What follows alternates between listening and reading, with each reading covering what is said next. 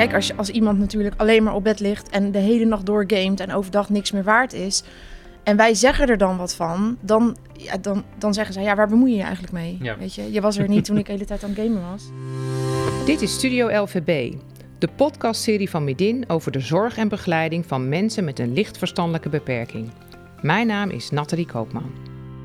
Mensen met een licht verstandelijke beperking zitten net als iedereen veel online. Dit wordt vaak door begeleiders gezien als een gevaar omdat ze vanwege hun beperking kwetsbaar zijn voor bijvoorbeeld beïnvloeding en misbruik. Maar is het altijd zo slecht? En wat weten begeleiders eigenlijk van het online gedrag van hun cliënten?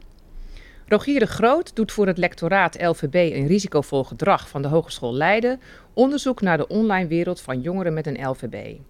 In een eerdere aflevering van Studio LVB sprak ik met hem over zijn promotieonderzoek over dit onderwerp. In deze podcast gaan we dieper in op de vraag hoe begeleiders omgaan met het online gedrag van je cliënt. Daarom is hier ook aangeschoven Nancy Poltner, begeleider bij Medin. Samen met Rogier en collega's van Medin kijkt ze naar de huidige manier van begeleiden van online gedrag en naar hoe het anders kan. Fijn dat jullie er zijn. Ja. ja. Rogier, Yes. ehm, welk beeld hebben begeleiders eigenlijk van het online gedrag van hun cliënten? Ehm, nou, in het, in het algemeen vrij beperkt. Dus we weten ehm, over het algemeen vrij weinig. Hè, dus eh, de respondent die zei van, ja, als ik het in percentages zou moeten uitdrukken, dan weet ik misschien 5 à 10 procent. En de over 90 procent is, eh, ja, gissen. Ehm, dus men, men ziet, eh, de de begeleiders zien vaak natuurlijk wel oppervlakkig hè, dat jongeren met social media of dat cliënten met social media bezig zijn. Ehm, maar ehm, daar houdt het dan vaak wel een beetje op. Hè, voor, ik, ik, praat natuurlijk een beetje generaliserend, want dat geldt natuurlijk niet voor iedere begeleider. Maar in zijn algemeen zie je wel dat dat een beetje het eh, is wat er gebeurt. Ja, Nancy, jij eh, werkt in de praktijk. Hè? Ehm, zie jij inderdaad, herken jij wat eh, Rogier zegt? Ja, zeker. Eh, ik denk dat begeleiders eh, vaak te laat eh, ermee te maken krijgen als cliënt in de problemen is gekomen of als cliënt ergens tegenaan loopt. Ehm, dan komen ze, hopen we dan, eh, naar de begeleiding toe. Maar we weten heel veel niet wat ze doen online. Nee, en, en wat zie je dan in de praktijk bijvoorbeeld dat het, waar het dan misgaat? Eh, als ze bijvoorbeeld eh, op Facebook van alles lezen of ehm, mensen die gepest worden via Facebook, daar, dat lezen ze mee, dat doet iets met hun. Of ze worden zelf gepest. eh, ehm, of ehm, nepnieuws vinden ze lastig. Wat geloof je wel, wat geloof je nou niet? Eh, maar ook eh, als ze met verkeerde mensen in contact zijn gekomen eh, via chatboxen, dat soort dingen. Maar dan, dat, je krijgt er pas mee te maken als begeleider als het fout gaat. Voor de rest Ja, inderdaad vaak weet wel. je dus eigenlijk niet zo goed wat ze in de andere nou ja, tijd doen op online. Nee, want het is vaak wel privé, vinden ze. Het is een Ja. stukje privé. Ja, nou laten we even luisteren naar een paar cliënten van jou over hun online gedrag. We horen Frits, Helga en Martin. Wat doe je allemaal online? Eh, gamen, eh, naar nieuwsites, eh, een beetje op YouTube. En eh, een beetje geschiedenis eh bijspijkeren af en toe. Geschiedenis bijspijkeren. Ja, ja, ja, ja. Dus informatie hou je daar ook van aan. Zit je ook op social media? Ah ja, Facebook? Facebook, Twitter, Instagram. Weten begeleiders eh, goed wat jij doet online allemaal? Nee, want dat is ook privé. Dat is privé. En wat is daar privé aan? Nou ja, eh, stel je... eh, stel je gaat eh, erotiek kijken of zo, dan ja, dat ga je niet delen met de leiding. eh. dus Nee. ja. Wat doe je allemaal online? Ik kijk films online, ik kijk anime online, ik doe spelletjes online. Ja, jij doet veel online. Ik doe veel online. Heb jij ook eh, Facebook, Instagram? Ik heb ook Facebook en Twitter, nee, Instagram, ja. En doe jij veel op social media, op Facebook? Nee, het is, ik volg dingen, Ja. maar ik zet bijna niks van mezelf neer. Nee. Heb je je ooit onveilig gevoeld? Nee, want ik, ik kap het dan heel makkelijk af. Ja. Want er was iemand via Facebook, want ik probeer een date te vinden via Facebook. Ja. En iemand die had dan een vriendin Ja. en die zocht nog iemand erbij. Ik zei, daar ga ik niet aan beginnen. Ik zei, doei. Ja. En dan, dan blokkeer ik hem gelijk en... eh, Wat goed, gelijk geblokkeerd. Ja. ja. wat doe je allemaal online? Gamen. Heel veel gamen. Ja. ja. Doe je meer dan gamen? Uh, ja. Dingen opzoeken en dat soort dingen. Maar voornamelijk gamen. En dan uh, schietspellen, voetbalspellen. In hoeverre, dus wat weten de begeleiders uh, wat je allemaal doet online? Maar zijn wij van alles op de hoogte? Nee, zeker niet. Zeker niet. Nee, dat ga je natuurlijk ook niet delen nee, met ons, nee, denk ik. Nee. Heb jij het gevoel dat begeleiders begrijpen wat jij doet online? Eén, de ene wel, de ander niet. De ene wel en de ander Ja. niet. En waar ligt dat dan aan? Aan de persoon zelf of die ook gamet thuis ja of nee. Want ik weet niet meer hoe die heet, maar eerst hadden we ook een flexer. Nou, daar speelde ik dan ook online mee gewoon. Dus. En die begreep wel heel goed hoe het game in elkaar zat en ja, hoe verslavend zoiets kan zijn. Ja, nou inderdaad uh, mooi om die, uh, deze cliënten te horen. En uh, ook omdat de laatste Martin inderdaad die ook aangeeft van, hè, dat het zo belangrijk is dat een begeleider wel dus ook zelf een beetje weet hoe het werkt op, online. Hè, in dit geval dan met gamen. Wat zie jij daaruit in jouw onderzoek, Rogier? Ja, wat, wat de jongeren net in die clipjes vertellen, dat is één op één te vertalen naar wat ik daarover schrijf in mijn onderzoek. Um, het is eigenlijk in de kern precies dat. Hè? Ze weten weinig, hebben we net al geconstateerd. Dat geven de jongeren zelf ook aan. Um, het verschilt wel, hè? Dat, zie ik ook. Hè? De ene begeleider doet natuurlijk meer dan de andere begeleider. Uh, soms zijn begeleiders ook verschillend in, afhankelijk van cliënt en omstandigheden. Hè? De ene keer doe je wat meer, de andere keer doe je wat minder. Um, maar het, het, het, een van de belangrijkste dingen die ik de jongeren hoor zeggen, met name die laatste uh, jongen, Martin. Martin inderdaad, um, dat wanneer sluit je aan? Ja, op het moment dat je natuurlijk een, ergens een connectie maakt met zo'n uh, met zo'n jongen. Ja, en, en dan zie je dat een flexer, hè, die niet eens daar vast, uh, vast is, dus een connectie maakt, omdat hij snapt wat die jongen doet. Ja, en dat, dat is denk ik wat je als begeleider moet begrijpen. Dat als je dat, het, en dat geldt voor andere vlakken online ook, is dat als je die connectie kan maken, dat je ook een inkijkje kan krijgen in wat ze doen. Ja, want is het dan belangrijk inderdaad om inzicht te krijgen in wat ze doen? Ja, dat denk ik wel. Kijk, je, je moet ook niet de illusie hebben dat je, uh, dat je, dat je, dat je alles gaat weten, uh, wat je ook doet. Want ze gaan heel veel niet vertellen. En dat hoeft ook helemaal niet per nee, se. ze zeggen dat het privé is. Ja. ja, en sterker nog, er zijn ook heel veel begeleiders die dat vinden. Hè. Die zijn die mening ook toegedaan. Die vinden ook dat het, uh, dat, dat hun privéwereld is. Want hè, er, is al zo, er is al, moet al zoveel open zijn. Alles is al voor ze bekend. Dit is hun laatste, de laatste bastion hè, voor een cliënt wat nog een beetje privé is. En dat is deels begrijpelijk. Um, maar uh, hè, als, je, als je daar niks mee doet, um, ja, dan loop je natuurlijk wel het risico dat je een cliënt daarmee ook tekort doet. Hè, omdat, een, omdat je dan ook niet kan achterhalen of een cliënt goed bezig is. Uh, of die ergens nog ondersteuning zou kunnen gebruiken, tips zou kunnen gebruiken. Uh, misschien bepaalde kansen niet benut die hij wel zou kunnen benutten gezien zijn capaciteiten. Nou, zo kan ik nog wel uh, een tijdje doorgaan. En dat is jammer. En daar zou je denk ik als begeleider wel wat meer op kunnen investeren. Want is het inderdaad vaak zo dat begeleiders online gedrag uh, vaak als een gevaar zien? Of inderdaad... Ja, ja, dat, dat is wel de, de dominante uh, perceptie van, van begeleiders. Dat het toch spannend is, eng is, risicovol is. Er zijn vooral veel drempels en uitdagingen. Nou, ja, en klopt dat beeld? Nou, dat, dat is lastig, want um, als ik uh, met begeleiders praat en ik vraag dan van, oké, okay, hoeveel feitelijke uh, negatieve ervaringen heb je nou eigenlijk met cliënten? Dan valt het eigenlijk heel erg mee. He, dus je kijkt naar de echt, de, de echt ernstige incidenten die plaatsvinden, dat zijn er niet superveel. Eigenlijk, dat is in zijn algemeenheid geldt dat zo. Hè? Ik bedoel, die, die, die uitzonderingen met loverboys en sexting, het zijn, het zijn natuurlijk niet, het is niet schering en inslag. Dat lijkt soms zo natuurlijk, ook omdat dat in de media natuurlijk vooral uh, zo wordt uh, gebracht. Maar in feite is dat natuurlijk maar de vraag of dat zo is. Um, en uh, ik denk dat dat dus heel erg meevalt.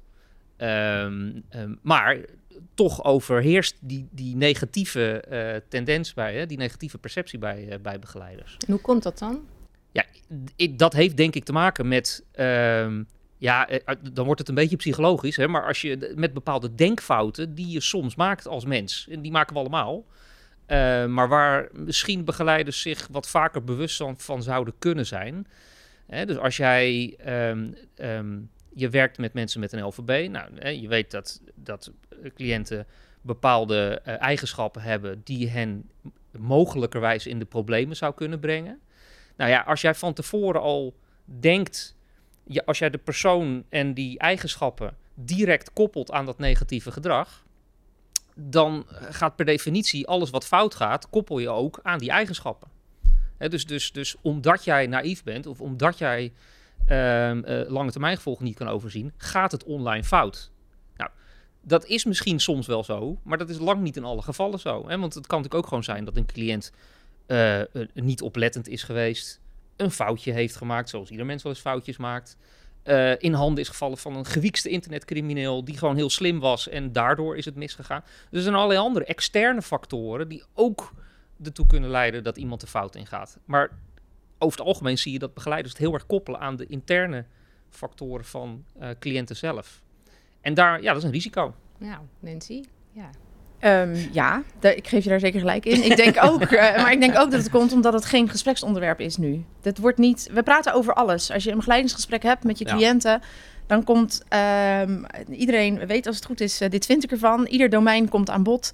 En uh, ja. wat we allemaal spannend vinden als begeleider is om over seksualiteit te praten met je cliënt, want dat is privé. Um, maar toch is dat een onderwerp wat je moet bespreken. Dat komt gewoon in je plannen terug. Daar, ja, dat moet je gewoon ter sprake brengen. Um, en ik denk dat het mooi is als dat met online gedrag, uh, als dat ook zo gebeurt. Dus uh, het moet gewoon een item zijn wat, wat je met je cliënt bespreekt. Ik denk dat het ook wel een beetje kip en ei verhaal is. Het is uh, eng, het is onbekend, dus praten we er niet over. Dus wordt het eng en onbekend. Ja, ja, ja. ja. En, en hoe doe je dat zelf dan? Want heb jij een connectie met je cliënten op het online gedrag? Bedoel, maar weet jij wat ze doen? Um, ik, heb, um, ik begeleid nu één um, dame, een vrouw, uh, die heeft in het verleden problemen gehad met uh, ja, wat ze online allemaal gedaan heeft. En dat hebben we ook in haar plan verwerkt. Dat is gewoon een gespreksonderwerp. En we houden bij haar dat gesprek gaande over... Zit je nog op chatsites? Met wie heb je gesproken? Zijn het alleen maar mannen? Zijn het alleen vrouwen? Wat vroegen die mannen aan jou? Wat vond je daarvan? wanneer heb je het afgekapt? heb je hier hulp bij nodig? Dus dat is een terugkomend onderwerp. Ja, maar dan is het wel weer heel erg gericht dus op het negatieve aspect dus van online gedrag. Ja, omdat zij die ja. ervaring ermee ja. heeft. Maar ja. het komt nu niet terug standaard in de begeleidingsgesprekken van joh, nee. heb jij vrienden gemaakt online? Ja, precies. Dus de positieve kanten die, uh, die worden al helemaal niet uh, nee. besproken. Nee. En nee. ik denk als het een uh, gespreksonderwerp moet zijn, dat de begeleiding dus vanzelf een inkijkje krijgt bij de cliënten. En dat het misschien ook wat minder spannend wordt. Ja, ja. Want um, Rogier, wat betekent dat dan het feit dat begeleiders weinig weten van het online gedrag van hun cliënten? Wat betekent dat dan voor hun manier van begeleiden? Um, ja, veel denk ik.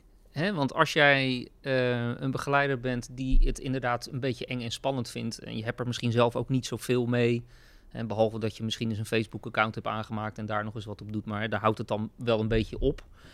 Um, en voor de rest hoor jij van collega's uh, in het nieuws, hè, hoor je vooral natuurlijk de negatieve uitwassen van, van online gedrag. En zeker natuurlijk bij kwetsbare doelgroepen. Ja, dan heeft dat natuurlijk impact uh, op de keuzes die je maakt in de begeleiding. En, en, en er is niet een goed of fout. Hè, want je, je zou kunnen zeggen van ja, uh, is het dan altijd goed om heel actief te begeleiden? Hè, bijvoorbeeld, en dat zou je dan zeggen, nou dat is ook niet per definitie zo, denk ik. Er zijn ook genoeg voorbeelden waar je zou kunnen voorstellen dat het voor een cliënt, als je even bijvoorbeeld, nou, dan toch maar het gamen weer eventjes, hè, omdat dat een aansprekend voorbeeld is. Um, als je een, een cliënt hebt die veel gamet en um, die geeft aan, en dat realiseer je misschien zelf op een gegeven moment ook, dat hij daar heel veel rust door vindt. En dat ook een cliënt die dat misschien ook nodig heeft, omdat hij misschien snel overprikkeld raakt in zijn leven. En jij gaat dan volgens denken van, oh dat game, ja, dat is, ik, dat is toch een beetje eng en spannend. En is het wel goed dat hij dat zoveel doet? Dan kan je de neiging hebben om te denken van, nou, ik moet hem op andere gedachten gaan brengen. Of ik moet hem andere dingen gaan laten doen. Want alleen maar dat game is niet goed voor hem. Dat zou kunnen, hè? maar het zou ook zomaar kunnen dat op dat moment in zijn leven hij dat gewoon nodig heeft om als een soort anker om, om het, het allemaal uh, draaglijk te houden voor hemzelf. Ga je dan heel actief zitten begeleiden, dan kan je denk ik averechtse uh, effecten krijgen bij zo'n jongere. Tegelijkertijd, als je, uh, hè, stel nou dat je ziet dat hij zoveel gamet, dat hij voor de rest, hij komt zijn bed niet meer uit en hij kleedt zich niet meer aan en hij stinkt en, en, en weet ik het wat. Ja, kijk, dan zou je kunnen zeggen, ja, dan is er ergens een soort grens bereikt. En dan is het misschien wel goed om juist te begrenzen. Hè? Omdat iemand dat blijkbaar niet goed toe, zelf toe in staat is. Of het kan zijn dat iemand eh, in games allemaal schulden maakt, omdat hij allemaal voetbalkaartjes koopt eh, en, en er meer een schuldenvraagstuk aan vast ligt. Dan kan het zijn dat je misschien meer actief moet interveneren en moet begeleiden om uit te leggen van joh, dit kost geld en realiseer je dat, et cetera, et cetera. Dus verschillende omstandigheden, verschillende cliënten, verschillende strategieën. En het is niet per definitie goed of fout. Maar je moet je, ik denk dat begeleiders zich wat beter moeten realiseren wat ze doen, wat het effect ervan is. En dat dingen ook een averechts effect kunnen hebben, ook al denk je dat je het goede doet. Ja. In de kern. Herken jij dat, Nancy? Dat het uh, lastig is soms om, uh, nou ja, soms averechts misschien dingen, beslissingen te nemen die misschien averechts kunnen werken? Uh, ja, zeker. Ja. nou ja, de voorbeelden die je noemt, dat is gewoon uit de praktijk. dat komen wij tegen. En kijk, als, je, als iemand natuurlijk alleen maar op bed ligt en de hele nacht doorgamet en overdag niks meer waard is, en wij zeggen er dan wat van, dan, ja, dan, dan zeggen zij, ja, waar bemoei je je eigenlijk mee? Ja. Weet je, je was er niet toen ik de hele tijd aan het gamen was. Uh, waar bemoei je, wat kom je mij nu vertellen? Dus als je dat gesprek al aan het voeren bent, hoe gaat het met je game? Uh, hoe vaak ben je online? Heb je die gasten nog gesproken of heb je ze niet echt gezien?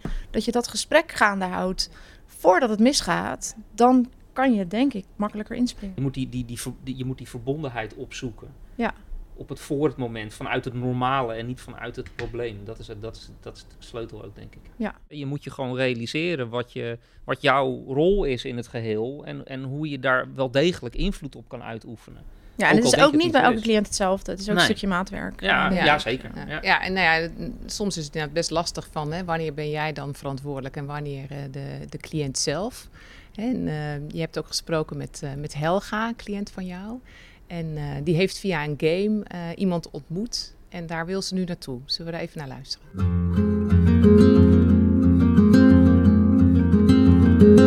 Hey, en jij hebt ook wel eens verteld dat jij met, contact hebt met iemand uit Amerika. Ja. En wat is dat voor iemand? Het, zij is oma. Ze heeft uh, twee kinderen. Ja. En ze heeft acht katten. Ja. Een zwembad, ze is heel rustig, heel begripvol. Ze luistert altijd. Ze heeft me al, ook door mijn depressieve periodes heen geholpen, heel goed. En als we hier gaan verbouwen, wil ik daar naartoe. Dan wil je daar naartoe. Ja. ja. heb je haar wel eens gezien al? Nee, we hebben wel telefonisch contact. Ja. Het is we bellen en we appen. En doe je dan beeldbellen of gewoon bellen? Het is, we doen af en toe beeldbellen en gewoon bellen. En ik zie ook foto's van haar en van een kleinkind. Ja. Ja. Um, wat zou jij ervan vinden als wij zouden zeggen: Helga, uh, jij wil naar Amerika, maar wij weten niet wie dat is. Wij zien het helemaal niet zitten. Het is jullie mening en het is, dat mogen, mogen jullie best geven. Maar ik zal uiteindelijk toch wel een beetje mijn eigen weg gaan. Want dan, ik heb dan ook alles uitgepland. En ik zorg ook dat ik een backup plan heb als het niet goed gaat en dat soort dingen. Ja, Nancy, zij regelt wel een uh, backup plan. Dus uh, waar maak jij je druk om? Ja, waar maak ik me druk om? ja, nou, dit is wel een uh, heel mooi voorbeeld. wij willen vertrouwen op Helga. Maar wij weten ook weinig van deze situatie ook hierin uh, zoveel mogelijk naast Helga staan. Dus zorgen dat uh, alles wat ze ervoor moet regelen, om dat samen met haar te regelen. Uh, als ze gaat, dan echt contact blijven houden, daar goede afspraken over maken. Ehm, ja, ik zou zeggen met beeldbellen elke dag, dat soort dingen. Um, en dat contact, dus nu al beginnen met het contact open houden, maken eigenlijk. Het gesprek blijven voeren met haar. Uh, want het is oké okay als je gaat, maar wij zijn nog steeds, ook als je daar bent, jouw begeleiders. Maar het is wel een, uh, een ja, spannend een spannende, ja, ja, dat kan ik me voorstellen. Wat zijn ja. er meer zeg maar, van dat soort situaties waar je dan regelmatig mee te maken hebt? Ja, wij hebben ook wel cliënten die via Facebook iemand tegenkomen en dan op date gaan gelijk of iemand thuis gelijk uitnodigen. Ehm, sleutels geven van hun huis. Want ze hebben, één, één, of, ze hebben iemand al één keer gezien, dus dan mag hij de volgende keer zelf binnenkomen. En dat zijn wel dingen, ja, aan de ene kant is het de keuze van de cliënt, maar aan de andere kant, uh, als begeleider, is dat best wel uh, dat je even denkt, wat gaan we hier nou mee doen eigenlijk? Ja, ja het is dus echt wel een onderwerp wat, uh, ja, wat ja. toch wel ook lastig is voor begeleiders om daarmee om te gaan. Ja. ja. En nou hebben jullie samen met de Hogeschool Leiden, hè, hebben jullie nu een werkgroep online gedrag. Um, wat doen jullie daarin, in die werkgroep? Um, nou ja, we zijn heel lang bezig geweest. Wat is nou eigenlijk digitaal burgerschap? Wat valt er allemaal onder? En hoe kijken de begeleiders er tegenaan? En wat is het voor cliënten? Uh, wat, wat houdt het nou allemaal in? Um, ik denk dat het, dat het het online gedrag is, dus in de games en social media, maar ook het, de hele digitale wereld. Um, alles wat tegenwoordig digitaal moet met apps en dingen, dat dat ook nog best wel uh, een probleem is voor onze cliënten. Um, doen we nog meer, hier? Nou ja, we, hebben, we proberen natuurlijk ook vooral na te denken van... oké, als je nou eenmaal met deze nieuwe uh, thematiek te maken hebt in je werk... Hè, of tenminste, we willen graag dat eigenlijk dat dit gemeengoed wordt binnen de organisatie. Hoe doe je dat dan? Hè, want dat is natuurlijk de volgende vraag. Want je kan natuurlijk wel allemaal zeggen dat het belangrijk is... maar ja, je moet er vervolgens ook nog naar kunnen handelen. Uh, en hoe zorg je ervoor dat niet alleen uh, hè, wij dat kunnen. Want ja, kijk, degene die hier affiniteit mee hebben, ja, die krijg je toch wel mee. Hè? Maar het gaat natuurlijk om, je wil natuurlijk ook medewerkers meekrijgen die wat minder affiniteit hebben. Of die misschien zelf, hè, want ik zie veel, ook veel, uh, ja, echt veel handelingsverlegenheid. Mensen hebben best wel weinig vertrouwen in hun eigen kunnen op dit vlak. Dus hoe kan, je, hoe kan je bij hen stimuleren dat ze, uh, dat ze wat meer vertrouwen krijgen in wat ze, in wat ze doen? En, en, want dat, dat, dat gebrek aan zelfvertrouwen, dat is helemaal niet nodig namelijk. Alleen, men realiseert zich dat niet. Wat men denkt, namelijk in het algemeen, als je vraagt van wat wil je dan hè, als, als professional? Ja, we moeten meer scholing krijgen en we moeten meer dit en we moeten meer dat. Daar ben ik helemaal niet tegen, want ik denk dat het allemaal goed, het is allemaal goed natuurlijk. Maar ja, goed, je hebt ook, het moet ook allemaal nog betaalbaar blijven. En je hebt natuurlijk ook nog 20.000 andere dingen te doen. En ik denk dat, dat je voor een belangrijk deel als professional de tools al lang in huis hebt om dit goed te kunnen begeleiden. Want uh, Nancy, wat jij ook zegt, wat is nou belangrijk? Dat, je, dat, je, dat, dat dat gesprek open blijft, dat dat gaande blijft, dat je het insteekt vanuit het normale en niet vanuit het probleem. Dat je verbinding maakt met je cliënt. Al dat soort dingen zijn gewoon algemene kwaliteiten waar je als, uh, die je als hulpverlener al lang in je bezit hebt. Als je, als je ik ga, want ik ga het van het positieve. Ik zie de meeste hulpverleners hun werk gewoon goed doen. Ja, maar inderdaad, wat Rogier zegt, het is ook belangrijk om, uh, om connectie te maken met je cliënt. Door ook wat inzicht te hebben in, hè, nou, überhaupt online. Ehm, hoe de wereld werkt, hè? want dan maakt het makkelijker om connectie te... Hoe ga je daar dan mee om als een begeleider daar zelf helemaal niet, nou ja, niet in geïnteresseerd is? Doe maar.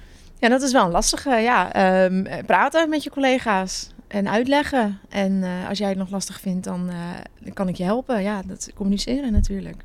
Nou, ik, denk, ik denk ook dat het belangrijk is om, om begeleiders die daar wat meer moeite mee hebben te laten zien dat het hun ook winst oplevert als ze het doen. Hè? Want hey, dus dat voorbeeld net van, van Helga, die dan dus online gebeurt er iets en dat heeft invloed ook op haar fysieke wereld. Hè? Want ze gaat nu zo fysiek ergens naartoe gaan uh, waar jullie geen enige vorm van controle meer kunnen uitoefenen.